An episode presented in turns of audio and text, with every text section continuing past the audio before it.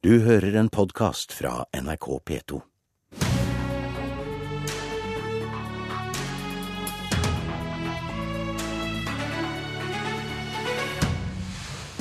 Skal kommunene få nødhjelp fra staten når skatteinntektene svikter?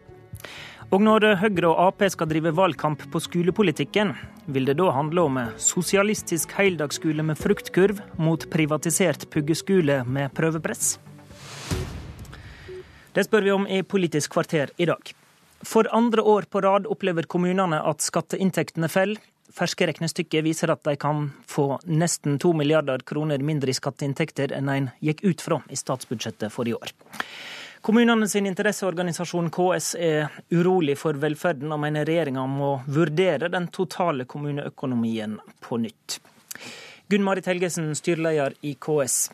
Er det alvorlig dette, eller er det den vanlige småsutringa fra kommunene? Nei, det er det absolutt ikke. Og jeg kaller det heller ikke nødhjelp. Jeg kaller det å få en solid kommuneøkonomi som gjør at kommunene blir satt i stand til å levere de velferdstjenestene som både regjering, storting og vi alle ønsker at eh, vi skal ha. Eh, og da må vi vurdere hvordan vi finansierer de tjenestene. Så viser det seg jo da at skattesvikten i fjor var betydelig. Eh, og derfor var vi veldig spente på hva som kom i marstallene. Og nå viser det seg at det kan ligge an til at det blir 1,9 milliarder, 2 milliarder mindre også i 2015. Hvordan råker dette konkret der ute, da? Ja, Det vil eh, få betydning for uh, hvilke tilbud man kan gi på, på skolene, på, på, i eldreomsorgen, uh, veier, barnevern, barnehager. Man må jo da hele tiden ta tøffe politiske prioriteringer. Det må man jo alltid. Men likevel så er det da, da må man diskutere hvilke tjenester kan man eventuelt redusere kvaliteten på, eller omfanget av. Eller at man må øke skatter som er inntekt, særlig da eiendomsskatt for, for, kommunene. For det er den de kan påvirke. Mener KS staten skal kompensere alle disse to milliardene, da? Eller hva ber dere egentlig om? Nei, Vi ber om at de nå vurderer seriøst, vurderer slik at kommunene kan utføre det oppdraget de tross alt har fått. Hvis ikke så får vi diskutere hva vi eventuelt da ikke skal gjøre. Frank Jensen, medlem i kommunalkomiteen på Stortinget for eh, Høyre. Høyres landsmøte peker på skattesvikten og ba regjeringa gå gjennom skatteinntektene til kommunene i revidert budsjett som kommer om et par uker. Ehm, hva kan kommunene forvente seg da, når det største regjeringspartiet vedtar noe sånt? Ja, Høyre i regjering har styrka kommuneøkonomien både i 2014 og i 2015, og det planlegger vi å fortsette med. Eh, og så er det sånn at eh, selv om vi har hatt en betydelig vekst i kommuneøkonomien de siste årene, så Eh, har man også de to siste årene observert at det har vært skattesvikt. Nå har kommunene ansvar for egne skatteinntekter og skal på en måte ha egne inntekter. Og når man får mer skatteinntekter enn planlagt, så får man gjerne beholde det. Eh, men nå er det andre året på rad vi ser at det har vært en svikt, og vi har sagt vel.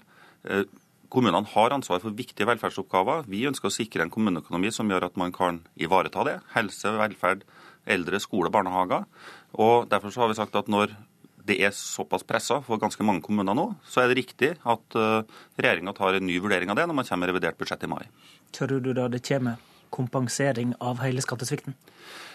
Tallet må vi se på, fordi det uh, må jo regjeringa først få uh, lagt fram i budsjett. Og det er også sånn at En del av bildet her er at samtidig som man har sviktende skatteinntekter, så kan det også være Eh, ting som trekker i motsatt retning, altså lavere kostnader. Sånn var det i fjor f.eks. også. Da var det også en drøy milliard i, i, lavere kostnader for kommunene som trakk i motsatt retning av skattesvikten. Så her må regjeringa legge fram totalbildet. Men poenget er at uh, regjeringa og Høyre ønsker å ha en robust og god kommuneøkonomi. Veksten har vært i de siste par årene på linje med det den var de siste årene under de rød-grønne. Eh, og det gjør vi fordi at vi ønsker å ha en kommunesektor som leverer gode velferdstjenester til innbyggerne. Helga Pedersen eh, fra Arbeiderpartiet, mener du svaret på dette er å kompensere hele denne skattesvikten? Ja, jeg mener at årets skattesvikt må eh, kompenseres. For det her handler om at hvis man vil ha mer kvalitet i skolen, flere lærere, en bedre eldreomsorg og satsing på rus og psykiatri, så må man også være villig til å finansiere det. Og vi så at i fjor så gikk veksten i kommunene sine frie inntekter kraftig ned. Det har ligget på 2% under den rød-grønne regjeringa. I fjor var veksten 0,7 eh, Også kommuneopplegget for i år var magert. Og så kommer en kraftig skattesvikt på toppen. Men så hører vi Frank Jensen si at det er positiv utvikling på utgiftssida. Skal ikke en ta omsyn til det, da?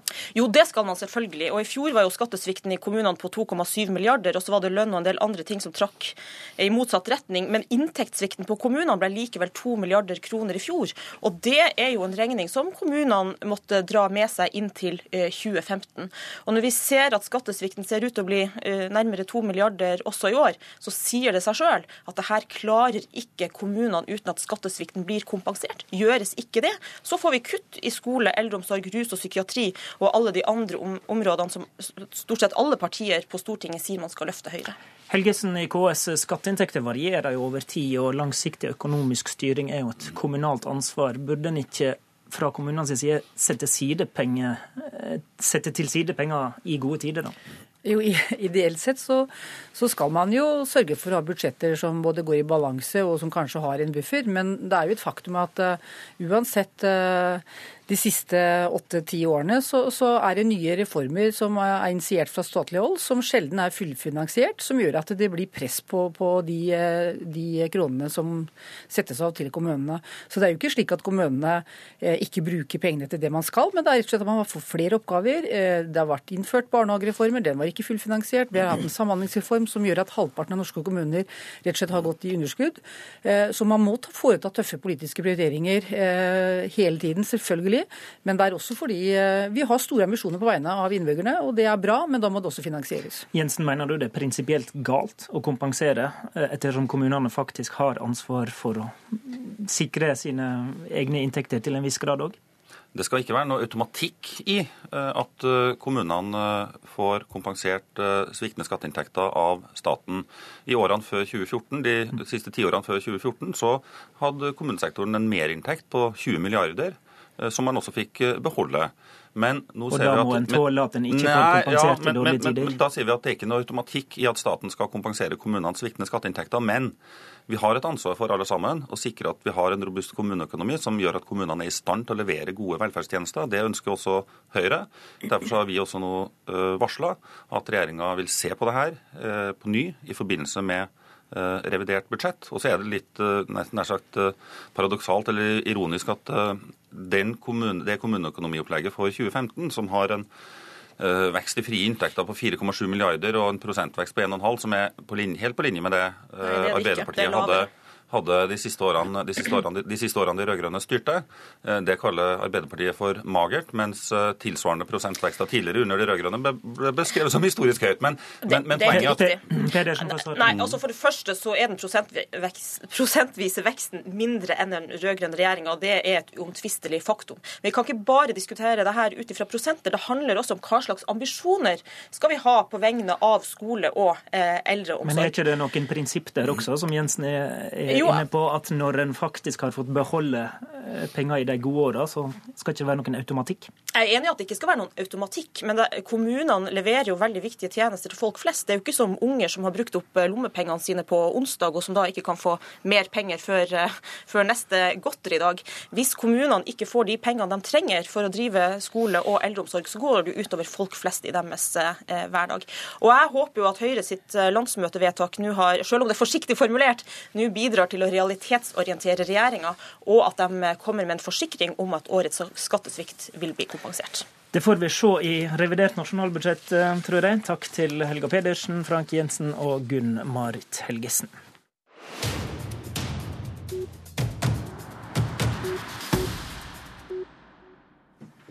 Den sosialistiske heldagsskolen med fruktkurv mot privatisert puggeskole med rangeringsregime. Slik er kanskje fiendebildet hos de to som setter seg i studio nå, Trond Giske og Henrik Asheim. Kommunevalgkampen blir først og fremst Høyre mot Ap, og skolepolitikken har den siste tida seila opp som et område med tydelige konfliktlinjer. Trond Giske, utdanningspolitisk talsmann i Ap. Hva slags skolepolitisk motstander ser du i Høyre nå i forkant av valgkampen? Jeg ser jo et Høyre som eh, gikk til valg på at eh, skole var den viktigste saken men som i regjering eh, bruker de store pengene på andre ting. Eh, det var f.eks. i statsbudsjettet nå for 2015 nesten 100 ganger større satsing på skattekutt enn det var på grunnskole og videregående skole til sammen i statsbudsjettet. Så eh, feilen med Høyre er ikke først og fremst hva de sier om skole, men hva de faktisk velger å satse på når eh, pengene skal fordeles. Eh, Vi hørte nå i den forrige debatten her eh, om kommuneøkonomien. Det er klart at det er kommunene som ansetter lærere, det er dem som pusser opp skolebygg, det er dem som ansetter skolehelsetjeneste, det er dem som kan sørge for at eh, dem som sliter på skolen får ekstra oppfølging. Og hvis ikke de har nok penger til å ansette folk, til å satse mer på skole, så hjelper det ikke med fine ord. Henrik Asheim, utdanningskomiteen på Stortinget for Høyre. Hva er det største problemet med den skolepolitikken Ap ser ut til å gå til valg på? At den ikke er kunnskapsbasert, og at det bruker ganske mye penger på tiltak som vi vet har liten eller ingen læringseffekt. Og Det er noe Arbeiderpartiet har gjort før. På 90-tallet så gjorde de det samme, og nå er de i ferd med å gjøre den samme feilen igjen. Hva da? Altså, De hadde landsmøte nå, og da vedtok de, når de skulle bruke penger, to store reformer. De vedtok mat inn i skolen. Det er å gå ganske kraftig til venstre, for det er det bare SV som så langt har kjempet for. Og det andre er å innføre en lærertetthetsnorm, som SV også har stått ganske alene om.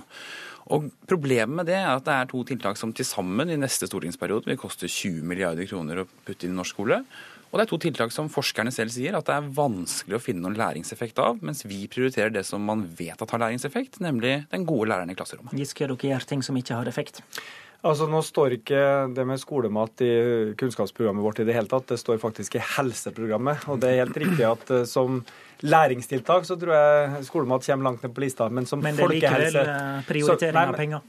Ja, men som folkehelsetiltak kommer det veldig høyt eh, på lista. Annet anbefalt av Legeforeninga, og jeg tror vi sparer penger i sykehusbudsjettene av det. Så den kan vi holde unna skoledebatten.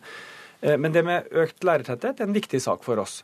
Og det vi har prioritert, det er første til fjerde i barneskolen. Der må vi ha nok lærere til at alle elever får en god start. Det er ikke sånn at frafallet i videregående eller ungdomsskolen skjer der. der. Det skjer egentlig i barneskolen, hvis ikke folk får grunnleggende lese-, skrive-, regnetrening. Og i statsbudsjettet til, til regjeringa så var det altså et kutt på grunnskole og videregående når man så bort ifra etter- og videreutdanningssatsinga. Er, er, og den er bra, og den støtter vi, men på resten var det et kutt. Og lærere, altså, når, på ja, når vi går ut i skolen, så sier lærerne til oss at det er ikke rett det Høyre sier, at hovedproblemet i skolen er at lærerne mangler kunnskap.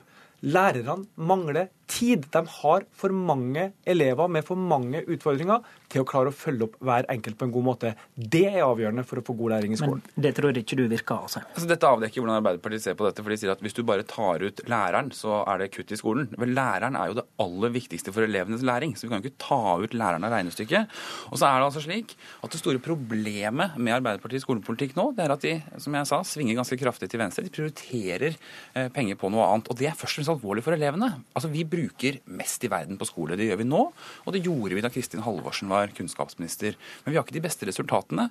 og Derfor så må også Arbeiderpartiet være med på å diskutere hva vi bruker ressursene på. Og Ja, og, og det har vært en stor debatt nå i det siste om hva som virker. Og det er stor semje som du sier, om at Mhm. læreren er avgjørende. Men er læreren så veldig mye bedre om vedkommende har mastergrad? Ja, det tror vi faktisk. Altså Det å innføre en mastergrad er noe som f.eks. Finland sier har vært viktig for dem for å løfte statusen for læreryrket og for å få en lærerutdanning som også handler om å forske på og skrive oppgave om hva som skaper læring i klasserommet.